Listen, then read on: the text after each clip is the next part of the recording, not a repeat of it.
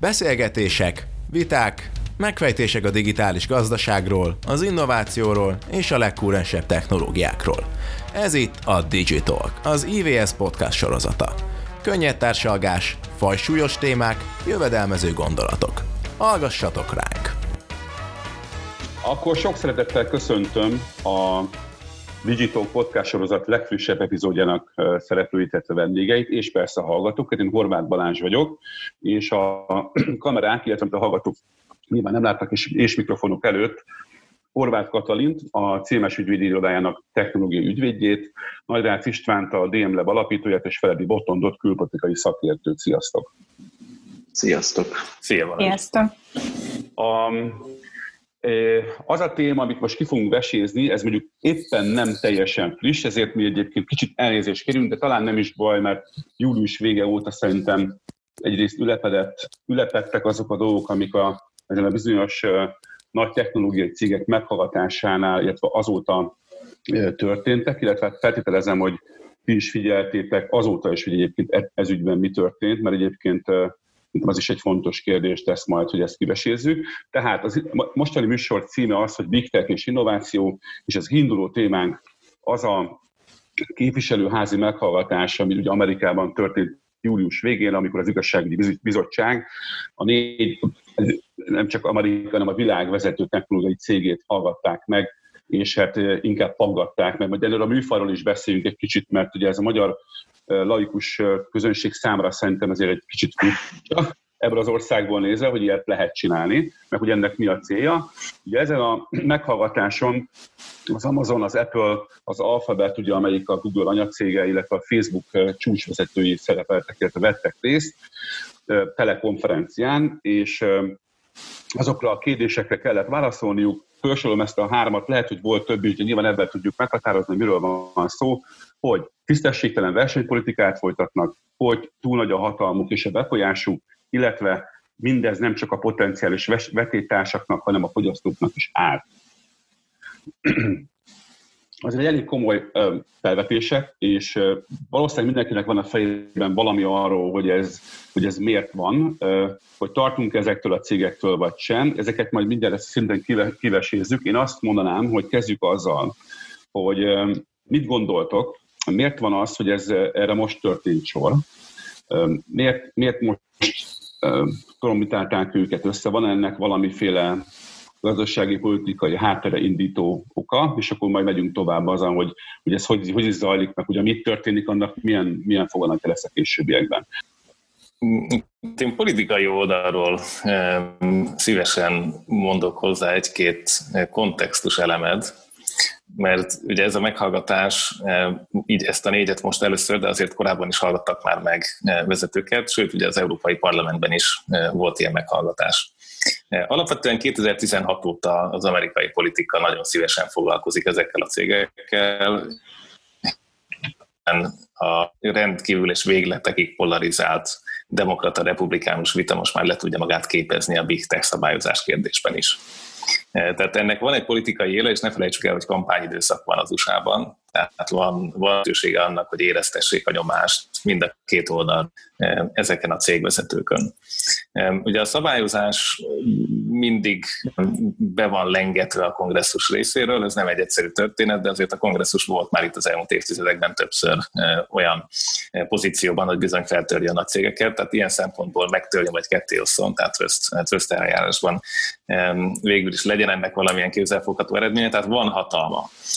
Úgyhogy éppen ezért itt a Trump elnök adminisztráció miközben éppen tweeteket veszít és tilt le most már a Twitter az elnöktől, meg a Facebook is flaggel ugye abszolút komoly bejegyzéseket, emellett pedig azt látjuk, hogy, hogy ezek a cégvezetők is elkezdtek a maguk módján reagálni. Tehát itt egy nagyon érdekes amerikai intézményről van szó, Balázs, ahogy te is mondtad, tehát ez tényleg egy, egy tök izgalmas dolog, hogy be lehet idézni embereket. A kongresszus nagyon sok más embert is beidéz, és azért az esetek egy részében ennek minimum van egy politikai cirkusz szerepe.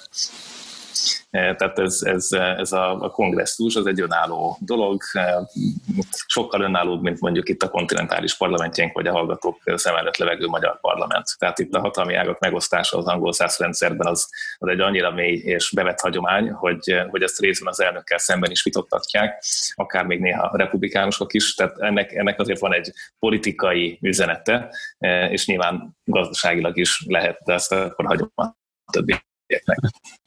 Szerintem én amivel kiegészíteném, hogy nyilván itt most a július végi meghallgatás van a középpontban, mert ugye igazából ez volt tényleg az a cirkusznak beillő mutatvány, amit itt láthattunk, de azért azt, nem, azt érdemes nem elfelejteni, hogy ezt megelőzte egy 13 hónapos nyomozás vagy vizsgálat, ahol ugye több millió, legalábbis a kongresszus szerint több millió dokumentumot néztek át így a négy céggel kapcsolatban, és igazából ennek a nyomozásnak a hát legalábbis így a kicsúcsosodását láttuk most itt a, a meghallgatásokon, szóval itt azért egyel komolyabb szakmai dolog is ö, végbe ment itt a meghallgatások előtt, mint az az öt órás grillezés, amit itt ez a négy vezető ember ö, kapott.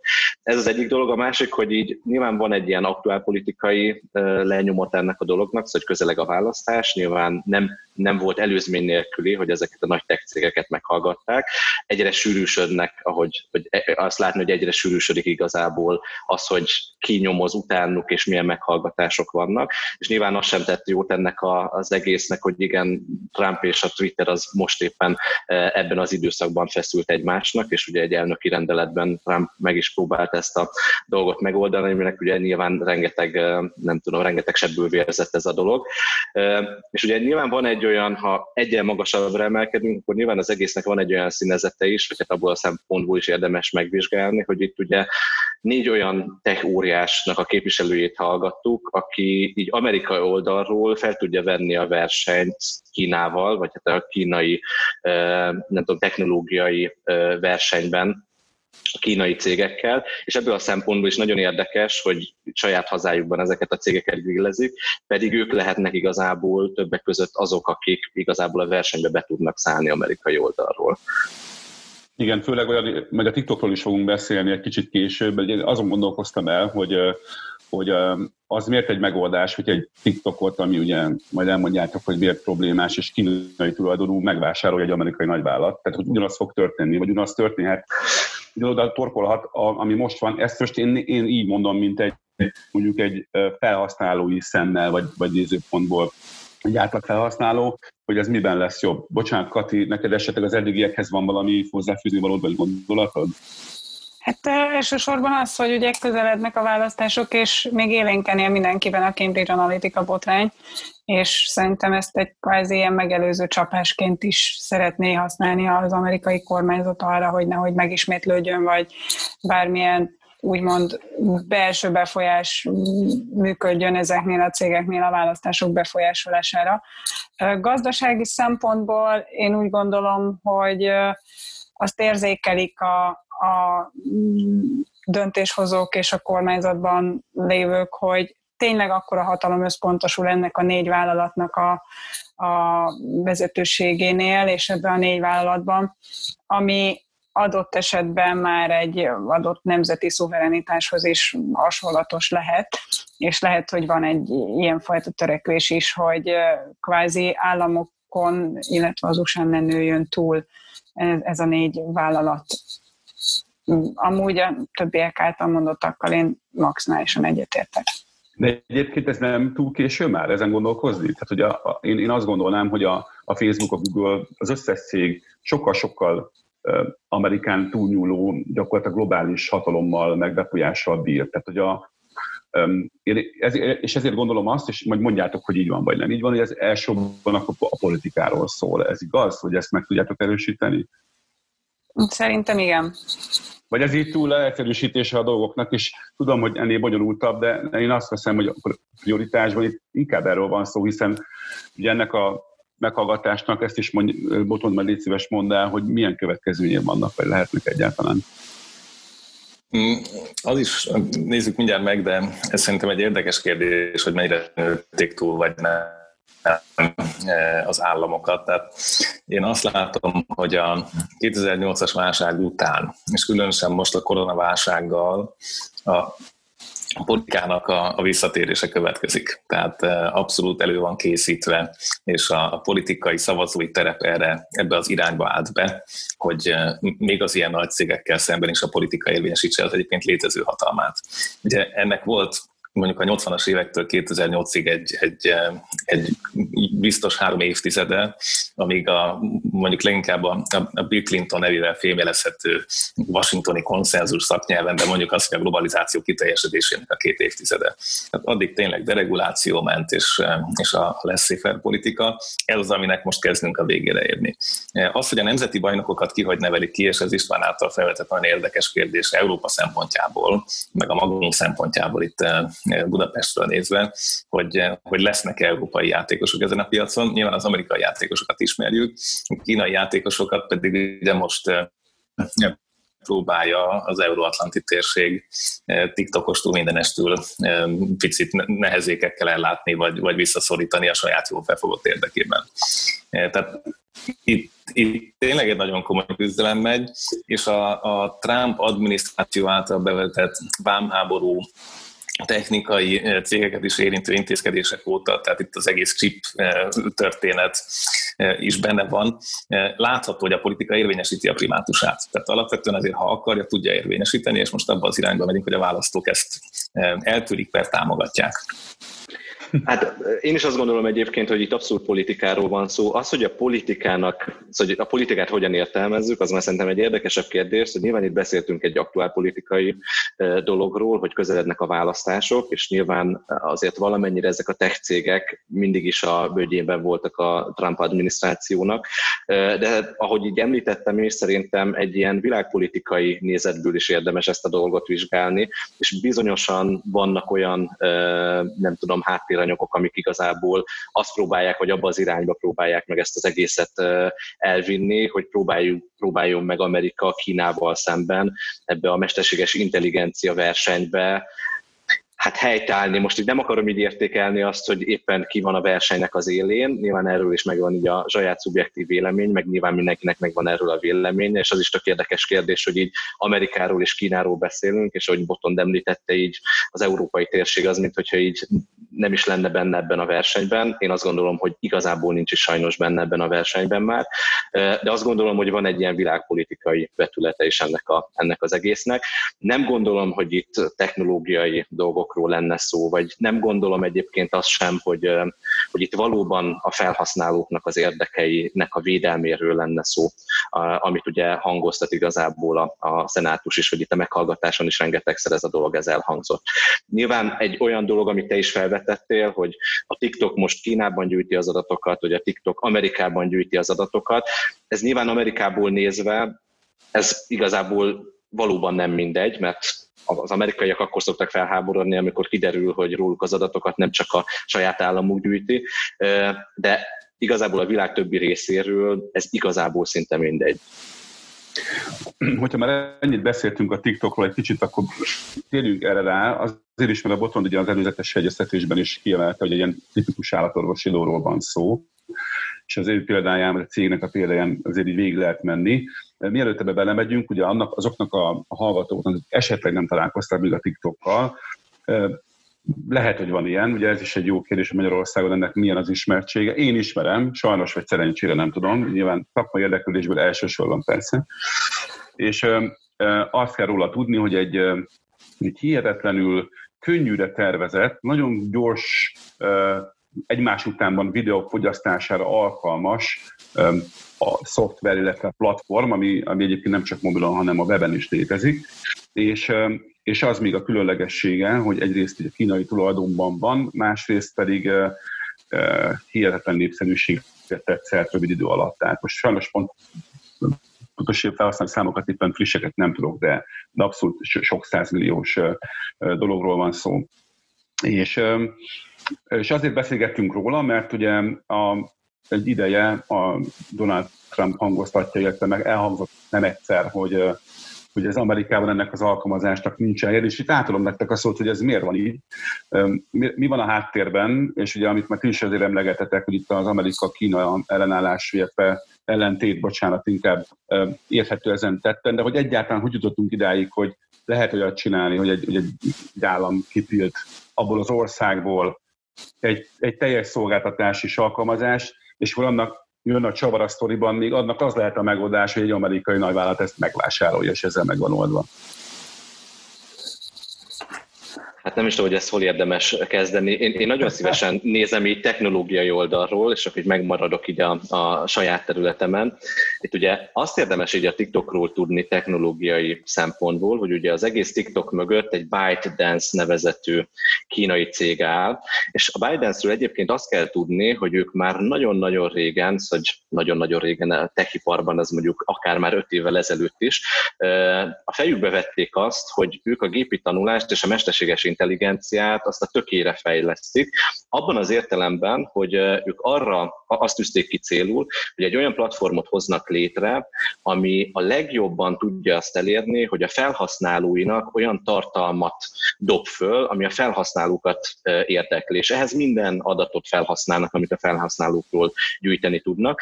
És a TikToknak volt egy, egy, egy előzménye, egy olyan megoldás, ahol igazából híreket dobtak fel a felhasználóknak. Ugye a Biden következő nagy dobása volt, amikor azt hiszem, hogy a Riói olimpián egy robot újságíró írta a cikkeket, már olyan gyorsan, hogy egy adott versenyszám után azt hiszem, hogy egy-két perccel megjelentek a hírek, és ennek a robot újságíró által írt hírportálnak is óriási olvasottsága volt, és utána beléptek ebbe a, ebbe a videó megosztós piacba, és az egész TikToknak igazából az a kulcsa technológiailag, hogy tényleg egy nagyon-nagyon jó ajánlórendszer működik mögötte, ami igazából azt eredményezi, hogy a TikTok, hát most már azt hiszem, hogy több mint egy milliárdos felhasználói, azt hiszem, hogy napi több órát töltenek így átlagosan a TikTok, nem tudom, videóit nézegetve. Nyilván a TikTok is, mint a Facebook, meg az egyéb ilyen tartalom szolgáltató platformok igazából a figyelmünkért küzdenek. Úgyhogy itt van egy olyan technológiai háború is igazából ebben a dologban, hogy a TikTok anyacég, ez a ByteDance, tényleg egy olyan technológiai megoldást hozott létre, ami azért sok embernek nagyon, nagyon hasznos lenne. Nyilván ez csak egy aspektus, nem azt gondolom, hogy ez az egész Amerika-Kína egymásnak feszül dolog mögött egy ilyen technológiai háború állna, hogy ezt a technológiát megszerezzék, de mindenképpen van egy ilyen vetülete is ennek a dolognak. Ti egyébként ismeritek, használjátok ezt az alkalmazást? Láttátok már? Én láttam, Látni, de nem láttuk, használom. De nem használjuk. Láttam, napi, de nem használom. Napi szinten. Na, akkor én vagyok az, aki egyébként napi szinten nekem ilyen exúságú érdeklődésből használom, és egyébként egy kicsit én szoktam is küzdeni a, a TikTok, nem tudom, megvédéséért, mert, mert ugye a, igen, ez most viccesen hangzik, mert, mert a legtöbb vélemény szerint hát ott crash tartalom van, most nem részletezem, hogy pontosan milyen típusú tartalmak özönlenek, de az érdekes, és hát nyilván az algoritmus tanul, tehát nyilván olyanokat fog feldobni, amiben bele, belemélyedsz. Amiket egy kicsit jobban átnézel, azt, azt utána jobban az arcodba tolja, de egyébként nagyon um, addiktív elképesztő módon oda köt, úgyhogy nagyon jó tettétek egyébként, hogy nem nyújtatok hozzá, mert ezt, és nem csak én mondom ezt, hanem nagyon sok ismerősöm úgy nyilatkozik, hogy le kellett törölni a telefonjáról, mert egyszerűen olyan szinten berántotta, mert annyira ügyesen ki van találva, amit mondtam, hogy a videó késtekedés nélkül betöltenek, és mind rövid, és, és legtöbbje vicces és, és nem tudod, nem tudod belepörgetni a videóba. Tehát nem tudod, azt nem tudod megcsinálni, hogy végignézd, vagy végigpörges egy felgyorsítás, hanem végig kell nézned, hogy tud, hogy mi a vége. Tehát úgy van felépítve, amit az István is mondott, nyilván technológiailag, meg gondolom pszichológiailag is, hogy még jobban beráncson. Ezt most csak azért akartam elmondani, hogy, hogy a hallgatók is értsék, hogy miről van szó, hogy óvatosabb bánjanak ezért ezzel az alkalmazással. És, és hogy visszatérjünk a témánkra, még azt is érzem, és persze botontól sem akarom majd itt elvenni a szót, mert nyugodtan reagálj, csak még annyit tennék István mondandójához, hogy már jön a, azt hiszem az Instagram vagy a Facebook a saját ellen uh, szoftverével, amiről majd, amiről majd beszéljünk, mert ugye itt ez látszik, hogy amit hogy, a, a, itt, itt lép be ugye a, a, a Big Tech, hogy ő megcsinálja a saját verzióját, és akkor onnantól kezdve hát mondhatjuk azt, hogy lemásolja, és azonnal megváltoznak a, a piaci és a egyéb körülmények. Botond esetleg a TikToknak erről a, erről a kínai-amerikai háttérről egy kicsit mesélj már, mert azért ez szerintem ez egy érdekes sztori, és biztos vagyok benne, hogy ez is régebről datálódik már. Persze, hát már Obama elnök kötött kiberbiztonsági megállapodást, amit persze nem tartottak be a kínaiakkal, tehát ez egy, ez egy amióta van kiberbiztonság, mint, mint nemzetbiztonsági kategória, azóta ez probléma Kínával. Ugye az intellektuális tulajdonlopás a, a kínai felszabadító hadsereg által, tehát a PLA által, az, az Amerikában is 301 milliárdra van becsülve per év. Európában is ennek egyébként nagyon-nagyon komoly következményei vannak. Tehát itt, itt konkrétan megy el a pénz a, a kiberháborúban, csak ezen az egy fronton, ami az IP-t jelenti. Ami a TikTokot illeti, itt az adatok felhasználása és megszerzése a kérdés, tehát hogy milyen profilokat lehet alkotni abból, hogyha valaki ezekkel az adatokkal rendelkezik. És ugye a legártalmatlanabb futó szoftverekről is kiderült, hogy ha katonák használják bázisok körül, akkor azért annak bőven lehetnek biztonsági kockázatai. Most nyilván a TikTokot is sokan használják. Tehát ezt, ezt megértették többen is, de nem Amerikának jött, ez jutott először eszébe, hanem Indiának, aki ugye 40 év után először több áldozatot követelő konfliktusba keveredett újra a vitatott kínai-indiai határon, ott a Himalájának a keleti szélén. Tehát ilyen szempontból az indiai voltak az elsők, akik bemondták, hogy akkor itt betiltás közeleg, és az amerikaiak léptek. Most ami az amerikai belügyi vagy belső piaci szinten is jól látszik, hogy azért a Microsoft szerintem ennek örül a maga módján. Ugye a Microsoft egyrészt nem egy Trump kritikus cég, tehát ezt el kell mondani, hogy az amerikai viszonylatban a, big tech közül Microsofték ügyesen navigáltak a public relations-ben, ezt nagyon diplomatikusan fogalmaztam, és, és ez nekik egy nagy lehetőség, és nyilván erre is reakció az, hogyha majd a többi big tech a sajátját le akarja fejleszteni. Ahogy az se véletlen, hogy a, a Walmart az a Walmart egyből bejelentkezett a, a Microsoft-tal együtt, hiszen pont azokat a fiatalokat. Tehát én most 600 millióra emlékszem legutóbbi ilyen felhasználó tábornak, és az átlag életkor az brutálisan alacsony volt. E, tehát a többi social media platformhoz képest is. E, tehát itt nagyon szeretik azt, hogy, e, hogy van ennek egy nagyon jó amerikai piaci relevanciája. Amit viszont hozzá kell még tenni a sztorihoz, mert ez az utóbbinak fejleménye, hogy a kínaiak ugye kitalálták, hogy akkor exportkorlátozó intézkedéseket vezetnek be, és államilag engedélyeztetni kell azt, hogyha meghatározott szintű technológiát valaki el akar adni. És a TikTok minden valószínűség szerint biden együtt ez alá fog tartozni. Tehát most úgy tűnik, hogy a Pekingi Központi Bizottság fenntartja magának a jogot, hogy eldöntse a TikTok sorsát. Nyilván még nehezebb belelátni abba, hogy hogyan működik a, a kommunista párt és a, a körülötte lévő kommunista cégvilág viszonya, de hát azért illúzióink nem nagyon lehet lehetnek, hogy ott biztos a politika primátusa. Úgyhogy eh, tehát ez ennek a nagy adatvédő tech háborúnak a része, ahol már nem is tudom, hogy hány éve volt, de mondjuk lehet, hogy 6 vagy 8, amikor a, a személyügyi, amerikai személyügyi hivatalt is feltölték minden valószínűség szerint kínai hackerek és végtelen mennyiségű személyes adatot loptak el ugye főleg olyanokról, akiknek bizonyos minőse volt, tehát bizalmas iratokhoz való hozzáférése. Tehát, hogy itt az államok egymás polgárai olyan szintű adatmennyiségeket tudnak begyűjteni, ami aztán a későbbi műveletekhez hát bizony nagyon-nagyon jól hasznosítható. Tehát ennek van egy ilyen szempontja.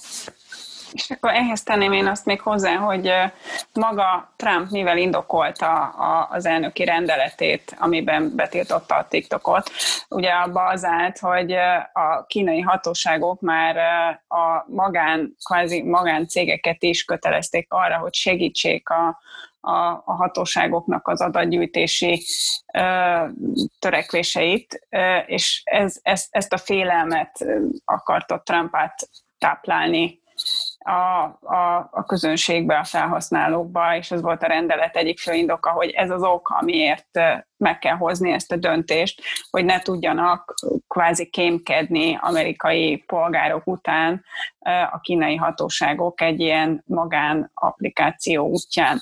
Tehát ez volt az a inkább politikai indok, ami miatt a, a rendeletet úgymond Trump kiadta. Ez volt a saját indokolásom. Most a TikTokos mellékszál egy kicsit menjünk vissza az eredeti vonalra. Egy, méghozzá azt az oldalát, hogy addig arról beszéltünk, hogy, hogy az adminisztráció, a kormányzat, Trump, esetleg mi mit gondolunk a nagy cégekről, azok hatalmáról, de tök érdekes ezt is menni, hogy ő magukról egyébként mit mondanak, vagy hogyan kommunikálnak. és egyébként az előkészítő anyagban találhatok egy oldalt, nem tudom, megnéztétek de nem baj, ha nem, amiben valaki megszámolta a különböző érvrendszerek elhangzását egyébként a szereplőktől, és nevesítsük őket, ugye ez még szerintem nem történt meg, de nagyjából ezeket a neveket mindenki ismeri. Ugye a Facebookot már Zuckerberg, az Amazon Jeff Bezos, az Apple Tim Cook és az Alphabetet pedig Sundar Pichai képviselte. És négy nagy válasz volt, vagy választikus a kérdésekre. Ugye azokra a kérdésekre, hogy miért így van, miért úgy van, mit csináltak, hogy csináltak, stb. Az egyik az volt, hogy mi nem is vagyunk olyan nagyok. Egyébként ez hangzott el talán összességében a legkevesebb szel a részükről. Akkor a következő, a évrendszer következő része az, hogy de mi jó, jót teszünk Amerikának. Mi, mi jó, jó, hogy vagyunk Amerika, mi, Amerika szempontjából. A, a harmadik az, hogy nem mi vagyunk azok, akik miatt aggódni kellene, Ugye itt egyébként feltételezem, hogy nem csak a többi versenytársra, hanem ott mellettük ülő három emberre is egyébként gondoltak. És végül az én kedvencem, szintén mint újságírói történelemből, ez a erre majd később visszatérünk, vagy erről majd később informáljuk önöket. Ezeket hogyan, hogyan értékelitek? Most ez kicsit nyilván nem is, ez inkább talán ilyen üzleti, üzleti politikai kérdéskör, hogy hát mert hogy nyilván meggondoljuk, ez, ez mind eléggé vicces válasz, nem? Vagy ti erről mit gondoltak?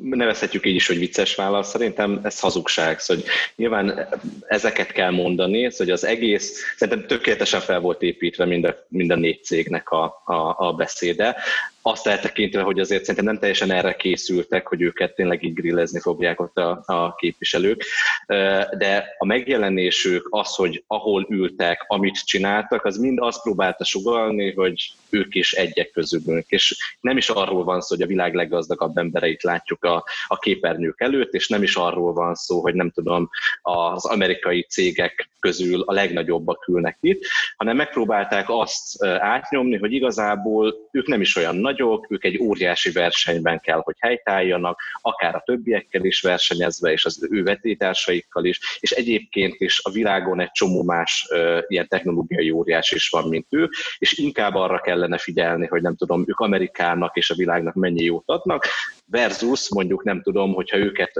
szétválasztják, felaprózzák, akkor majd a kínai cégek fognak igazából hatalomra jutni. Szóval nyilván volt egy olyan üzenet, amit megpróbáltak itt átadni, és hát így igen, hogy a számlálókat nézve az, hogy egy, nem tudom, egy adott cégvezető egy 60 kérdésből álló válaszsorozatban elmondta azt, nem tudom, 20-szor, hogy mi nem is vagyunk olyan, olyan nagyok, vagy mi adunk Amerikának, hát nyilván ez egy picit ilyen a demagógia felé vitte ezt a dolgot, de hát ezt azért már láttuk, hogy amikor az Zuckerbergnek volt a meghallgatása, akár már Amerikában, akár ugye az Európai Parlamentben, ugyanezeket a paneleket adták igazából a szájába, Nyilván, ahol tudott védekezett, amikor valamilyen bizonyítékot mutattak neki, eh, amit nem ők írtak, vagy nem ő írt, akkor arról azt mondta, hogy ő ezt nem látta, ő ezt nem tudja, hogy, eh, hogy ez pontosan miről szól, de azért ez megmosolyogtató volt eh, minden bizonyal, hogy igazából így védekeztek. Mm. Hát ügyvédi szemmel nézve ezt a védekezést, én úgy látom, hogy mindent megtettek a, a, a jogászok mind a négy csapatban annak érdekében, hogy a lehető legkevesebb információ, a lehető legkevesebb konkrétum hangozzon el, és a lehető legkevesebb olyan lehetőségük legyen ezeknek a vezetőknek, hogy elszólják magukat, vagy olyan helyzetbe keveredjenek, ami aztán ellenük később felhasználható lenne. Én úgy gondolom, hogy ezek a beszédek ügyvédi jogászi szemmel teljesen érthető, megmagyarázható megnyilvánulások voltak. Tehát ügyvédként az ő cipőjükbe lépve hasonlót javasolna minden felkészült ügyvéd a, a, az ügyfeleinek. Tehát én ebben semmi meglepőt nem találok, és nem is vártam semmi konkrétumot, semmi egetrengető felfedezést, vagy, vagy, vagy kinyilatkoztatást, hogy ezeket az embereket be lehet ugrasztani. Ezek tapasztalt, sok-sok évtizede a szakmában lévő vezetők, akik, akik nagyon komolyan felkészültek, nagyon komoly háttércsapattal rendelkeznek, és ezek a, a meghallgatásoknak sehogy máshogy szerintem nem lehet ezekre reagálni. Mihelyt belemennek védekezésbe, mihelyt belemennek részletekbe, már elvesztek. Tehát muszáj nekik ilyen általános szinten maradniuk ahhoz, hogy ne kerüljenek jogi szempontból bajba. Tehát ügyvédként ez a meglátásom. Magánemberként az egy másik kérdés, hogy mit gondolok ezekről a kinyilatkoztatásokról, de ügyvédként teljesen érthető és, és, és védhető ez a fajta ö, megnyilvánulás és, és felépített beszéd és, és válaszok. Főleg, hogy van. Tehát ez, ez politikailag is teljesen forgatókönyvszerű, tehát a képviselők hörögve, fröcsögve feltették a kérdéseiket, míg ők pedig szempillájukat rezektetve válaszoltak. Tehát ez, ez valóban így, így, így szokott lenni a nagykönyv szerint, de azért az a fontos, hogy ezt egy, egy folyamatban lássuk. Tehát, hogy van ez a meghallgatás, ami egy ilyen közmédia kicsúcsosodás, hogy akkor lehet látni, hogy akkor na, most a képviselők dolgoznak a pénzükért, és, és izzasztják a, a, a gonosz technológiai cégek vezetőit, de azért előtte, utána a folyosókon megy az igazi buli. Tehát eh, ha, ha valaki ott elkezd tényleg egy tervezetet gyártani arra, hogy, eh, hogy hogyan kellene ezt szabályozni, vagy ugye most megy, hogy akkor van felelősség, nincs felelősség a social médián lévő tartalmakért, eh, tartalomkurátorok, vagy, vagy kvázi tartalommenedzserek, fejlesztők. Tehát itt azért ezek, ezekben van a, a, a, az igazi fontosság elrejtve, és biztos, hogy ezek a csaták megnyugodhatunk, hogy a háttérbe mennek. Tehát vannak elszánt képviselők, azért az amerikai kongresszus egy végtelenül színes hely még mindig. Tehát ott bőven vannak képviselők, akik, akik hisznek ebből, hogy egy Bernie Sanders is innen jön. Tehát, hogy azért itt, itt vannak, akik szívesen ellátnák a bajukat ezeknek a cégeknek, és ez egy belpolitikai elvicsata, és ettől szinte teljesen független az, hogy ezeket a cégeket kifelé tolják. Tehát amikor Európa, vagy épp éppen Macron Franciaország egy kicsit belendítette a, az adózási kérdést, hogy, hogy, hogy az amerikai cégeknek fájjon, azért akkor az egész adminisztráció egyként lépett fel, és próbálta meg az amerikai cégeket megvédeni. Tehát ez a kettős mechanizmus folyamatosan és párhuzamosan működik. Akkor azt gondolom, hogy arról már nincs értelme beszélni, vagy, vagy ez egyértelmű, hogy ezeknek a cégeknek túl nagy a hatalmuk, túl nagy a befolyásuk, de vagy mondjátok, hogy szerintetek ez nem így van, tehát hogy ez egy, ez egy alapvetés, akkor ez az egész, ahogy a Botond is mondta, egy folyamat része, nagy politikai, gazdasági játszmáknak az egyik epizódja, de most, hogy mi a hallgatóknak át tudjunk adni valami megnyugtatót, szerintem egy kicsit ez is a célunk, vagy, vagy magyarázatot, hogy akkor van-e valamilyen reális megoldás, vagy út arra, hogy ez a négy cég ne növekedjen tovább, ne legyenek, nem tudom, külön hatalmak a egyébként meglévő hatalmokon belül. Van, van erre bármiféle reális esély vagy útja annak, hogy, hogy őket valahogy meg lehet állítani, vagy épp, hogy nem kell megállítani, ez az evolúciója most a világnak, ez fog történni, aztán hogy gazdaságilag, politikailag elrendeződik. Szóval engem ez érdekelne, hogy ti ebben mit, mit látok, hova, hova tud ez kifutni, mert azért azt én látom, hogy azért az átlagember, sőt a cégek is elképesztő függővé, illetve kiszolgáltatottá váltak ugye ezeknek a cégeknek. Nagyon sok olyan folyamat van, amiből nem tudjuk magunkat kivenni. És most itt látok a botontól bólogatást, az Istvántól meg nem túl és na ez, ez érdekel, ezt mondjátok. Ugye erről mit gondoltok? István, mondta. Én, én mondom, hogy nyilván azt hozzáteszem, és ezt majd kifejti Kati meg Botonc, hogy nyilván jogi út van arra, hogy ezeket a cégeket megállítsák, vagy legalábbis azt gondolom, hogy inkább lassítani lehet ezeket a cégeket. De azt gondolom, hogy technológiailag ez egy, ez egy nem mondom, hogy lejátszott kör, mert ez, ez nem teljesen így van, de azért így azt gondolom, hogy nem annyira, egy picit elkéstünk ezzel a dologgal. Szóval, ez mind a négy cég a saját területén, mert azért azt hozzátenném így lábjegyzetben, hogy nagyon sokszor elhangzott ott a meghallgatáson, hogy hát ők négyen is egymás vetétársai, ami persze lehet, hogy így van, de azért igazából itt négy nagy uralkodóról van szó, aki a saját kis szemétdombján azért eléggé egyeduralkodónak tűnik. Szóval hogy ez a négy cég, ez így technológiailag akkora előnyt halmozott már föl, amit azért így nagyon nehéz lesz így elvenni tőlük. Még szerintem akkor is, hogyha őket felvágják esetleg, bár szerintem én azt gondolom, hogy ennek eléggé, eléggé kicsi az esélye. És ami viszont kockázatos, és ezt ugye az előbb is említettem, hogy ha megnézzük azt akármilyen szempontból, hogy velük szemben egyébként mondjuk a kínai cégek hol állnak, akkor azt gondolom, hogy, hogy nem, is, nem is érdekel az Amerikának, hogy ezeket a cégeket nagyon piszkálja, mert tényleg ez a négy cég, meg egy pár másikkal kiegészítve, ők lehetnek azok, akik legalábbis egy ilyen ellenpólus tudnak képezni a kínai tech óriások mellett, és nyilván Kína nem fogja tech óriásait feldarabolni, ott nem lesznek, nem tudom, antitrust ellenes meghallgatások, és nem fognak ott, nem tudom, képviselők behívatni a, nem tudom, a Baidunak a képviselőjét, és akkor őt megfélemlíteni. Teljesen más módszerek vannak ezekre a dolgokra. Szóval azt gondolom, hogy itt igen, van egy ilyen, van egy ilyen játszma a, a, a szín a színpadon, de azért a színfalak mögött ez egy sokkal, sokkal összetettebb dolog, és így nem gondolom, hogy annyira egyszerű egyébként ezeket a cégeket megállítani. Tehát jogi szempontból én azt gondolom, hogy ez ugye egy antitrust meghallgatás volt, az volt a fő fókuszban, hogy hogy lehetne ezeket a, a további felvásárlásokat, mergereket, akvizíciókat megakadályozni. Nekem a, a, a jogi álláspontom ezzel kapcsolatban az, hogy itt szerintem nem az antitrust szabályozás lesz az, ami igazán megoldást jelenthet, mert ezeknél a cégeknél ugyan a Facebookot vádolták azzal, hogy, hogy ő a saját konkurenciáit vagy annak tűnő vállalkozásokat vásárol fel, és akkor ez kartel meg egyéb jogilag milyen következményekkel jár, és hogy fel kellene ezeket a cégeket darabolni.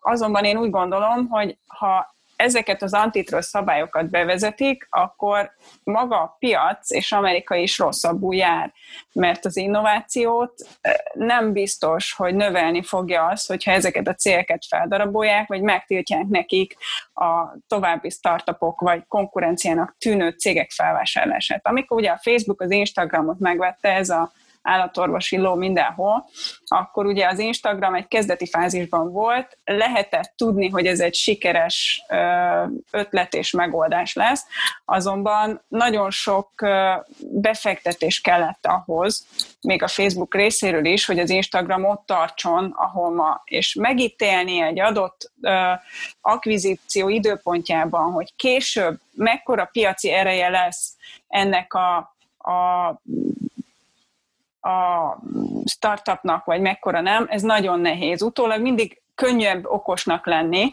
és ez is egy visszafele gondolkodás most ezen a kongresszusi meghallgatáson, hogy például az Instagramnál már tudnunk kellett volna, nem tudtuk, senki nem tudta, hogy, hogy miből lesz siker, és miből nem. És ugye ez a startupok szempontjából sem jó, hiszen rengeteg startup számít arra, hogy ha majd kifejleszti a, a, a tuti megoldást, a, az innovatív megoldását, akkor úgyis jön valamelyik nagy és megveszi. Ezek mondjuk nem a kezdeti státuszban lévő startupok, hanem már unikornisok, akik már azért letettek valamit az asztalra, de van egy ilyen piaci elvárás a startupok részéről, hogy jó pénzt fogunk kapni a big tech-ektől, ha olyan megoldást fejlesztünk, ami nekik tetszik. És ez ilyen szempontból az innovációt nem hogy gyengíti, hanem erősítheti is startup oldalon. És egyébként meg az egymással való versenyben, meg a kínai versenyben a big tech tudják tartani a lépést. És akkor ehelyett szerintem inkább azt kell megnézni, hogy a, a big tech mi az, ami a, amiből a hatalmuk ered. És alapvetően ezek az adatok. Tehát ha valahogyan kordába lehetne szorítani azt a hatalmat, amit a rengeteg rendelkezésre álló adat és profilozás és, és tailor-made marketing útján ezek a cégek felépítettek, akkor szerintem közelebb lehet jutni egy egészségesebb ökoszisztémához, mint mondjuk a versenyjogi, karteljogi szabályoknak a, a bevezetésével. Mert ugye nekik az a fő céljuk, hogy bezárják a felhasználóikat a saját szolgáltatásaikba, ne tudjanak menni sehova, ne tudják az adataikat átvinni sehova, és és ez a céljuk az őket igénybe vevő vállalkozásokkal is, hogy ne tudjanak könnyen úgymond szolgáltatót váltani, még akkor se, ha lenne ezekre alternatívájuk.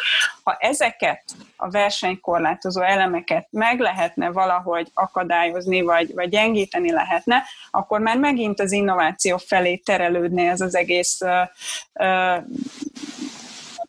tevékenység, és erre például Európában a GDPR, az adathordozhatóság, a különböző korlátozások, vagy egyébként a kaliforniai adatvédelmi e, jogszabály is egy, egy jó lépés. Csak ugye az USA-ban sem egységes az adatvédelmi szabályozás, tehát először el kellene döntenie e, Amerikának, hogy akar-e egész szövetségi állam szinten ilyen szabályozást, vagy nem, mennyire akarja bekorlátozni a saját cégeit adatvédelmi szempontból. Mert ezzel csökkenthető az adaton alapuló hatalom. Aztán a másik ugye összefügg az adattal, hogy ha nem interoperábilisek a platformok, és, és a iPhone-osok App Store-ból, a, a, az androidosok meg Google Play-ből tölthetnek csak le applikációt, akkor, akkor igazából ö, nem lesz megint nagy, túl nagy versenyhelyzet, mert egyrészt külön kell fejleszteni mind a kettőre, másrészt pedig nem lesznek interoperábilisek a szolgáltatások, kisebb lesz a verseny, arról nem is beszélve, hogy ezek a app store-ok mm, és alkalmazásáruházak azért kontrollálják a rajtuk átfolyó adatokat, és megint az adatokhoz jutunk vissza, hogy valahogyan, ha ezt sikerülne csökkenteni szabályozásra, akkor megint csak vissza lehetne szorítani valamennyire ezeknek a, a cégeknek a, a, a hatalmát, és valamiféle ilyen Chinese volt, kínai falat lehetne felhúzni a, a alkalmazásáruházakon keresztül értékesített appok és az alkalmazás áruház közé. És akkor a, a harmadik pedig az, hogy ha, ha nem a big bántjuk, hanem azt próbáljuk erősíteni, hogy akik az ő versenytársaik lehetnek, azoknak az indulásuk könnyebb legyen, és mondjuk a, a tőzsdére lépésük könnyebb legyen, és ezt könnyítsük meg, akkor ez megint csak a versenyt fogja erősíteni, anélkül, hogy egyébként a big tech-eket feldarabolnánk, és elvesztené mondjuk az USA a Kínával szembeni technológiai, azt nem mondom, hogy előnyét, mert nem biztos, hogy van neki, de a technológiai állását és, és, és megoldásait. Tehát szerintem inkább a startup oldalon és a, a versenytársi oldalon kellene a versenyt erősíteni, mint sem a, a big tech-ek feldarabolásával, antitrust szabályokkal a, a, a big tech-ek oldalán kezdeni a probléma megoldását. Morton, te mit gondolsz erről? A, mire lehet jutni? Nyilván te szemszögedből, meg a te szakterületből nézve. Ami látszik, hogy azért Európa tulajdonképpen, ha akarna, akkor tehetne lépéseket. Tehát ugye Németország nincs rajta a, a Google Maps Street View-ján, tehát ha megnézzük, akkor ez egy sötét volt itt Európa térképű, mert a német jogalkotó úgy döntött. Az egész GDPR-os történet is egy szép példa, és egyébként geopolitikai politikai eszköznek tekint, mint idegesítő országnak, tehát ilyen szempontból nem praktikus. E, és azt is hozzá kell tenni, hogy, e, hogy ugye a Facebook, amikor elindult 16 után ez a választásokba való beavatkozás felelősség problémája, akkor a melyik országnak a politikai vezetése elég nagy nyomást helyezett, ugye először a németeknél, talán aztán a franciáknál is elkezdték nyilvánosságra hozni meglehetősen gyorsan, hogy hány accountot szedtek le megtette, tehát azért sok minden elérhető. Itt egy picit magunkra vethetünk, tehát főleg az adózás ügyben, ami, ami már ismert és tudható, tehát azért itt a hollandok és, a, és az írek tapsikolva szedték be az egyszámjegyű adót ezektől a cégektől, és engedték ki a maradékot az Európai Unió területéről, amit nyilván ezek a cégek kihasználtak, de hát megint, ha, ha mi lennénk a helyükben, lehet, hogy így csináltuk volna. Tehát ez már azért nyilván az erkölcsösség határán messze-messze túlment. Viszont a hollandoknak csak most kezdtek el szólni, hogy hát ha már ilyen spórolós kedvükben vannak, hogy az EU költségvetésen akarnak húzni, mi lenne, hogyha esetleg a, ugye ezek nagyon szép neve van, a holland szendvics, a, a skót, tehát hogy itt, itt nagyon komoly megoldások voltak, az íreket egy kicsit jobban megfogták ezzel, mint a hollandokat jelenleg, de a lényeg az az, hogy magunkra vethetünk. Tehát érdekelték kell tenni ezeket a nagy cégeket abban, hogy a 400 plusz milliós európai piacon a mi szabályaink szerint legyenek jelen, és a helyi közösségek fejlesztésére ne csak ilyen látványpékséges búcsú cédulákat vásároljanak, hogy akkor támogatnak egy-két startupot, meg van évente egy nagy konferencia, hanem, hanem valami érdemi, normális jelenlétet, és persze az adót is itt hagyják, amit itt szedtek be bevételt. Vagy itt legyen akkor egy olyan fejlesztési központ, ami látható a térképen a, a világ szempontjából szempontjából is. Tehát ezeket, ezeket szerintem azért relatíven egyszerűbben is el lehet érni, ha megvan a konszenzus. Tehát mint a klasszikus Mohács esete forog fönn, hogy ezt a konszenzust azért itt a elmúlt évtizedben nem gyártotta le Európa, aminek sok oka van. Kérdés, hogy egy ilyen Brexit utáni pillanatban, amikor ha Trumpot újra választanák mondjuk, akkor, akkor ez, ennek lehet-e momentuma? Tehát egy, egy ilyen forgatókönyv. A másik, egy, egy gondolatot még ehhez hozzáfűznék, hogy eh, ugye Tajvan is elkezdte betiltani ezeket a dolgokat, sőt egészen több Alibabát is, meg másokat is elővettek, hogy eh, kinek mennyi működési engedélye lehet az országban, meg milyen cégekkel működhetnek a szigeten. Eh, ugye azért itt az egyik trend az internet szuverenitás, szuverenitás eh, online térben kihasított szuverenitásnak a kérdése. Tehát a szuverenitás egyre inkább leképződik az online térben, egyre inkább látható az interneten. És ennek a trendnek van egy olyan kivetítése, tehát 5-10 éven belül, hogy gyakorlatilag az amerikai, európai vállalatok csak az euróatlanti térségben szolgáltatnak, és kínaiak pedig a saját eh, régiójukban, a saját eh, most már egyre inkább eh, megkeresett szövetségeseknek nem hívnám őket, mert Kína ezt nem tudja értelmezni, de modern vazalusokkal együtt dolgoznának. És, és ez mindennel együtt jár, tehát az autópályaépítéstől a vonatépítésen át a fegyverbeszerzésig, tehát ezek, ezek komplett csomagok, és eléggé haladunk e felé. Tehát szerintem, ha nem történik radikális elmozdulás, ami azt jelenti, hogy csak Kína nem, nem rogyik meg egy picit határozottabban, és tudja fenntartani a, a NATO és az Amerika a, a nyitott világrendet, akkor azért ez egy komoly választófallal fog e, működni, és ennek az első jelei az ilyen alkalmazás kitiltogatások, meg az alkalmazásoknak a kötelező nemzeti testre szabatásai. E, ugye Európa is ebben kéne, hogy utazzon, tehát kétségtelenül ebben nekünk is sokat kell fejlődni, és ehhez kéne az összefogás. Beszéltünk a globális helyzetről, beszéltünk Amerikáról, beszéltünk Kínáról. Boton megelőzve engem beszélt Európáról, mert ugye ez egy külön kérdés lett volna, de egyébként ti is többször felhasználtok Európa helyzetét. Kicsit beszéljünk a Magyarországról is. Nyilván mindannyiótoknak van nyilván vállalkozóként, üzletemberként, cégvezetőként itt dolgozó emberként is tapasztalata. Mit éreztek a, a magyar piacon ezen nagy cégeknek a hatásából? Korlátozza ez valahol Magyarországon az innovációt? Mérhető ez? Észlelhető ez?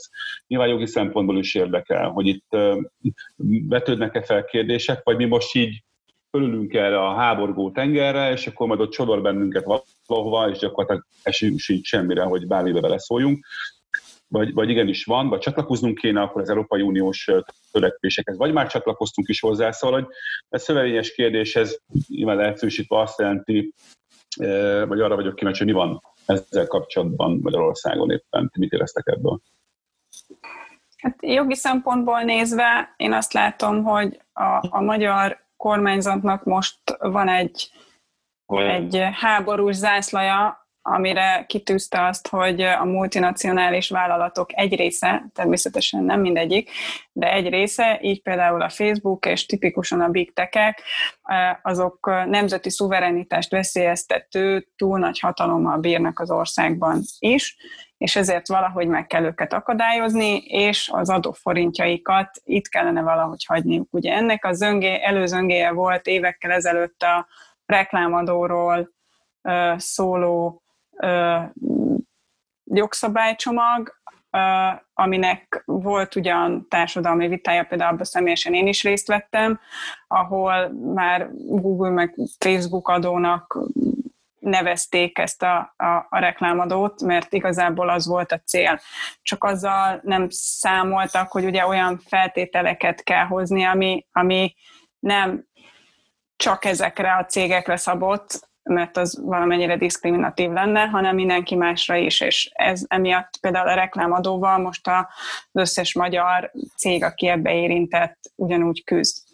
És nem tudtak olyan kivételeket belerakni a jogszabályba, amik igazán hatékonyan működnének ezekkel a big tech szemben. A másik, amit én látok így magyar szabályozási oldalon, hogy hogy egyrészt az adatvédelmi hatóság is próbálja nem csak az ír, hanem, hanem különböző GDPR értelmezések alapján ezek ellen a cégek ellen az adatvédelmi kérdéseket érvényesíteni, és, és azért szerintem nem tudunk egyedül maradni a, a úgymond szabadságharcunkban ezekkel a, a, a big tech cégekkel szemben mindenképpen egy Európai Unió részét képezzük, tehát az Európai Uniós törekvések ezeket legalábbis követnünk, vagy szemmel tartanunk kell ahhoz, hogy, hogy értelmes magyar intézkedéseket és, és politikát és, és stratégiát le, lehessen kialakítani. Én úgy gondolom, hogy nem tudja az ország függetlenedni az Európai Uniós törekvésektől, célkitűzésektől, és nem tudunk szigetként működni az Európai Unión belül, és ezektől teljesen elhatárolódni. Egyébként az EU-ban is jogszabályi szinten is vannak törekvések, ott van az EU új szerzői jogi irányelve, ami az online tartalom megosztó platformok felelősségét írja elő szerzőjogi szempontból. Eddig ugye ők bemenekültek a közvetítő szolgáltatói felelősség mögé, hogy ők csak technikai platformot adnak, ha szólnak, hogy valami jogsértő, azonnal leveszik, és onnantól ott nem felelnek, mert ez a rezsim fog most változni 2021-től, mivel ők tartalomszolgáltatóvá váltak, és engedélyt kell kérniük az a platformjukon megtekinthető videótartalom után. Elég szigorú szabályokkal ami Magyarországon is egy az egybe átvételre kerül, és ez mondjuk érinti a YouTube-ot, a TikTokot, a Facebookot, a Spotify-t, de még az egyébként nem legálisan működő ö, fájmegosztó peer-to-peer hálózatokat, mondjuk egy Pirate Bay-t is, ha és amennyiben még az működik. És igazából ezek azok a szabályok, amik elől egyrészt nem tud elugrani az ország, mert EU-s kötelezettségek, és ezeket muszáj követni. Másrészt pedig én, én nem gondolom úgy, hogy egy Magyarország méretű ország hatékonyan fel tud lépni önmagába egyedül ezek ellen a, a, a big tech ellen, és nem is vagyok meggyőződve arról, hogy ez feltétlenül muszáj is, hiszen amikor Spanyolországban a Google-el szembe adót akartak kivetni, akkor a Google azt mondta, hogy ja, akkor nincsen hirdetési szolgáltatás Spanyolországban. A spanyol KKV-k térden állva kanyarogtak a kormánynak, hogy ne tegyék, hiszen annyira ki vannak téve ennek a technológiának, hogy megszűnt az online marketingjük a spanyol cégeknek, és nagyon komoly versenyhátrányba kerültek.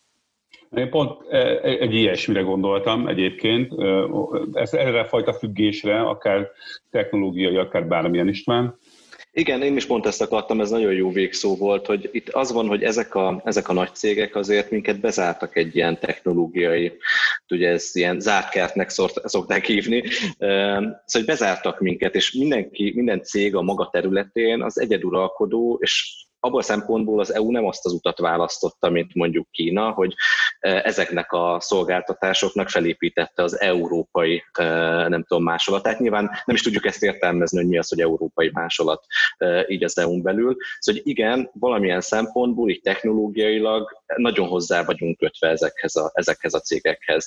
A, ami így elhangzott a kongresszusi meghallgatáson is, hogy a Google az internet kapuja, ez sajnos így van Magyarországon is, és így van az EU-ban is, és így van Amerikában is, és ez nem nagyon fog megváltozni, ha csak nem valami nagyon határozott módon kitiltjuk ezeket a cégeket az európai piacról. És ugyanúgy a Facebook, mint egy közösségi média, és egy ilyen hirdetési platform, és ugyanúgy az Amazon, mint egy ilyen kiskereskedelmi platform, ezek valamelyest bezártak minket egy adott buborékba. A másik oldalon viszont, és ezt Kati szerintem teljesen jól elmondta, hogy ebben a régióban, főleg ahol Magyarországban, az abszolút egy, egy egy, egy olyan út, amivel nagyon sok ember számol vállalkozóként, hogyha valami jó technológiát ő innovál és kifejleszt egy szintig, akkor az egy lehetséges út, hogy ezek a nagy cégek egyszer csak szemet vetnek rá. És hogyha ezeket a nagy cégeket kizárjuk erről a piacról, akár EU szinten, akár mondjuk Amerika megtiltja, hogy ezek így bővüljenek tovább, hogy felvásárolják ezeket a kis, kis startupokat, akkor azt gondolom, hogy így so, sokkal többször kiöntjük igazából a gyereket a fürdővízzel együtt, abszolút nem fogjuk támogatni az innovációt. Nyilván, hogyha ennek lenne egy, egy hasonló méretű léptékű európai programja, vagy lehetősége, akkor nyilván az, az, az jelenthetne egy ilyen második utat, de én azt gondolom, hogy így az innovációt nem akadályozza ezeknek a nagy cégeknek a, a jelenléte. Nyilván így az adatos szempontból én azt gondolom, hogy itt egy ilyen, tehát nagyon furcsa, ilyen nem tudom, magába harapó kígyóról kígyót látunk most, és ez pont az előbb jutott eszembe, amikor itt beszéltünk arról, hogy milyen jogi eszközök is vannak ezeknek a cégeknek a megregulázására. És említette Katalin azt a nagyon is reális képet, hogy igen, adatoldalról meg lehet ezeket a cégeket fogni. Csak ezzel az a probléma, hogy ezeket, szóval ha megfogjuk ezeket a cégeket adatoldalról, akkor ezzel együtt nem tehetünk mást, mint hogy a kínai technológiákat kizárjuk ezekről a piacokról. Ugyanis Kína soha nem fogja adatoldalról megfogni ezeket a cégeket. Csak hogy egy példát mondjak, ugye arcfelismerés, a mesterséges intelligencia egyik, nem tudom, legjobban pörgő területe. Amíg ugye Kínában a SenseTime nevezetű cég jár elő ebben a technológiában, amíg Kínában a SenseTime-nak 1,4 milliárd kínai állampolgár képét az állam odaadja, hogy ezen tanuljanak az ő algoritmusaik, addig nem beszélhetünk arról, hogy majd Amerika, vagy hát ne adj Isten, az EU hogyan fogja igazából ezeket a cégeket az adatoktól megfosztani. Lehet ez egy lépés, de akkor azzal deklaráljuk azt, hogy Kína ezekben a technológiákban bőven-bőven le fog minket hagyni, és soha az életben nem fogjuk őket utolérni, amit nyilván tehetünk, de akkor ezeket a cégeket ki kell zárnunk a, a, a saját piacunkról.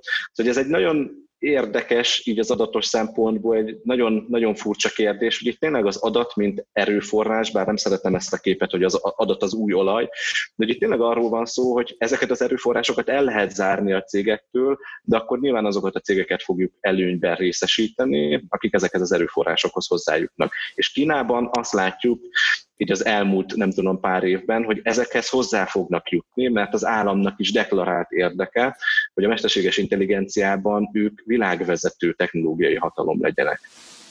Ennek ugye ellensúlyozására próbálja azt az EU elérni az új mesterséges intelligenciával kapcsolatos fehér könyvébe az egységes európai adatterek létrehozását, hogy egy ilyen data pool rendszert létrehozni, hogy legalább valamilyen észlelhető vagy értelmezhető mennyiségű adathoz Abszolút. hozzáférjenek az európai vállalkozások. Ami ebben kapcsolatban viszont magyar oldalról felmerül az az, hogy a magyar kormányzat az összes ilyen EU fehérkönyv véleményezésben az európai egységes adatterek ellen voksol, és próbálja megakadályozni ezeknek a, az egységes európai adattereknek a létrehozását nemzeti szuverenitására hivatkozva. Na most, ha, ha az Európai Unió bármikor labdába akarna rúgni akár az amerikai, akár a kínai vállalatokkal szemben, akkor adatokra van szüksége, és enélkül nem fognak tudni az európai vállalkozások olyan mennyiségű és minőségű adathoz jutni, amivel tudnak fejleszteni és, és AI-t okosítani. Ha Magyarország ebből a körből kimarad, akkor szerintem a magyar vállalkozások még nagyobb versenyhelyzetbe kerülnek, mint amiben amúgy is vannak. Mondjuk kezdjük a szakember hiányjal például. Mert azért nem hoznak ide mesterséges intelligencia fejlesztő központokat, mert nincsen meg a megfelelő szakember gárda hozzá. Na, csak leértünk azért idáig, ezt, ezt én szerettem is mondani, és köszönöm nektek, de Botond esetleg ehhez a körhöz van-e hozzáfűzni valód? Tehát az Unió a maga részéről azért próbálkozik, tehát amit Kati is lefestett most a GDPR mellett a következő 7 éves keretköltségvetés az alapvetően sok forrást allokál innovációra, vagy legalábbis most még ilyen címke alatt szerepelnek ezek a pénzek.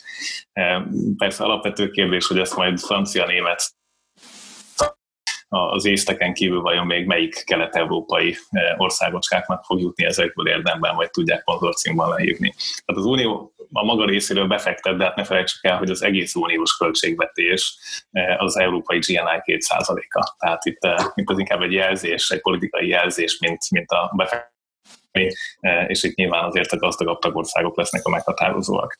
Ami a magyar viszonyokat illeti a nagy cégekre, itt azért egy fontos lábjegyzetet beszúrnék. E, ugye én is abban a szerencsés helyzetben voltam, vagy hát inkább szerencsétlen, hogy 2007-ben indítottam el a tartalomszolgáltató startupomat, tehát egyrészt egy évvel a pénzügyi válság előtt, másrészt a Facebook indulása után egy éve. E, tehát ennél rosszabbat valószínűleg nem tudtam volna választani. Ugye a reklámbevételek amúgy is számoltak, és majd egyébként a reklámszolgáltatók is összeomlottak aztán egy pár évvel később a, a Google Facebook miatt. Tehát a, ami a magyar tartalomszolgáltatóipar, magyarul sajtó működésében látható volt, hogy teljesen kihúzták a hirdetési lábat aluluk, és a hirdetési piac amúgy is egy állami centralizáció ment keresztül. Hát ezzel a, a, a kicsi függetlenebb százezer megkétezése, eh, ha csak nem ugye eh, tagdíjadomány eh, egyéb úton próbálják magat eltartani. És ez minden országban látható. Tehát nyilván az amerikai szenátusban is vannak olyan emberek, akiknek a körzetében a helyi újság azért szenved a maga módján. Tehát ez egy, ez egy nagyon érdekes by effect, hogy, hogy mindez azért az egész média nyilvánosságot hogy befolyásolja, és ebben a Google News kapcsán kialakult vita azért egy egész érdekes kérdés volt, és maradt a mai napig ha ennyi adat van, akkor ugye az adatokat a, a, az én szakterületem szempontjából meg kell tudni védeni. E, már vannak adatok, akkor azokkal e, bánjunk úgy, hogy ne vigyék el mások, vagy legalábbis mi többet vigyünk el tőlük, mint amennyit ők elvisznek tőlünk. E, tehát ez, ez lenne az a feltétel, amiben ugyanúgy égető szakember hiány, kooperáció hiánya, még a visegrádi országok között is alig-alig látható kiberbiztonsági kooperáció.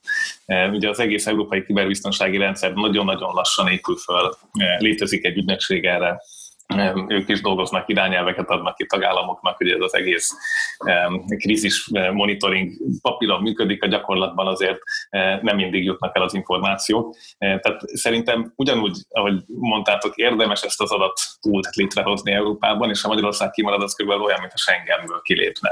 Vagy, vagy hát most az eurozónán azt hiszem hosszabban vitatkoznának a hallgatók, de tehát ezek a szimbolikus európai egységes szintek, amik azért vannak, ezekben hát látjuk, hogy a hosszú távon kimaradóknak nagyon gazdagnak vagy nagyon ügyesnek kell lenni, és hát Közép-Európa tipikusan nem az a hely, ahol ezeket a tulajdonságokat osztogatják.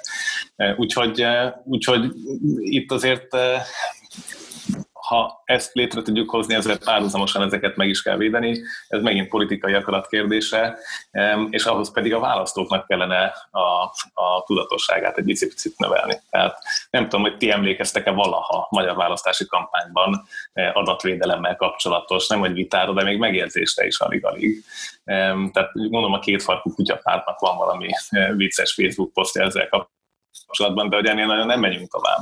E, tehát, hogy ezt valahogy be kell hozni, és ugye az egész rendszert egészen újra húzalozná, hogyha a felhasználók is egy picit máshogy állnak, tehát eh, ahogy te Balázs a, TikTokhoz, hogy most ki törli le, ki nem törli le, hány telefonjára telepíti. Eh, én mondjuk azért nem telepítettem pont, hogy, a, hogy, a, hogy az adatbiztonságot jobban tudjam garantálni, tehát hogy eh, lesz-e két eszközünk arra, hogy az egyikre telepítjük a, a trash szoftvereket, a másikra meg az értelmes adatainkat. Tehát azért itt szerintem van bőven fejlődési lehetőség. Meg lenne bőven még egyébként miről beszélnünk, de nem tudunk már sajnos, mert, mert ezt az egy órát, amit egyébként nekem ti ígértetek, illetve megbeszéltük, szerintem túlléptük. Ez az elmúlt tényleg 60-70 perc mutatja, hogy mennyire sokrétű és rengeteg, rengetegféle dimenzióval bíró területről van szó, amit én azt gondolom, hogy a segítségetekkel azért kellően megvilág, megvilágítottunk, meg, meg sok kérdésről tudtunk beszélni, és örülök, hogy eljutottunk azért a, a globálból azért egy kicsit a lokába, még akkor is, hogyha ezek nagyon nehezen köthetők földrajzi vagy bármilyen egyéb helyszínekhez. Úgyhogy nagyon szépen köszönöm az együttműködést, illetve a beszélgetést Horváth Katalinnak, Nagyrác Istvánnak és Feledi Botonnak. Én Horváth Balázs voltam, és ez a Digitalk volt. Hamarosan publikáljuk az adást, és a, aki bennünket hallgat, kövessen bennünket, mert így a szeptember-októberi időszak eljövetelével hamarosan jövünk a további epizódokkal. Úgyhogy köszönöm szépen nektek, sziasztok! Köszönjük, Köszönjük sziasztok! Köszönjük mi is, sziasztok! sziasztok. Ez volt a Digitalk, az IVS podcast sorozatának legfrissebb kiadása. Ha mindent tudni akarsz a digitális gazdaságról, az innovációról és a legújabb technológiákról, akkor kövesd a műsort az IVS platformjain. A műsorral kapcsolatos észrevételeket, ötleteket a digitalk.ivs.hu e-mail címen várjuk. Hamarosan újra találkozunk.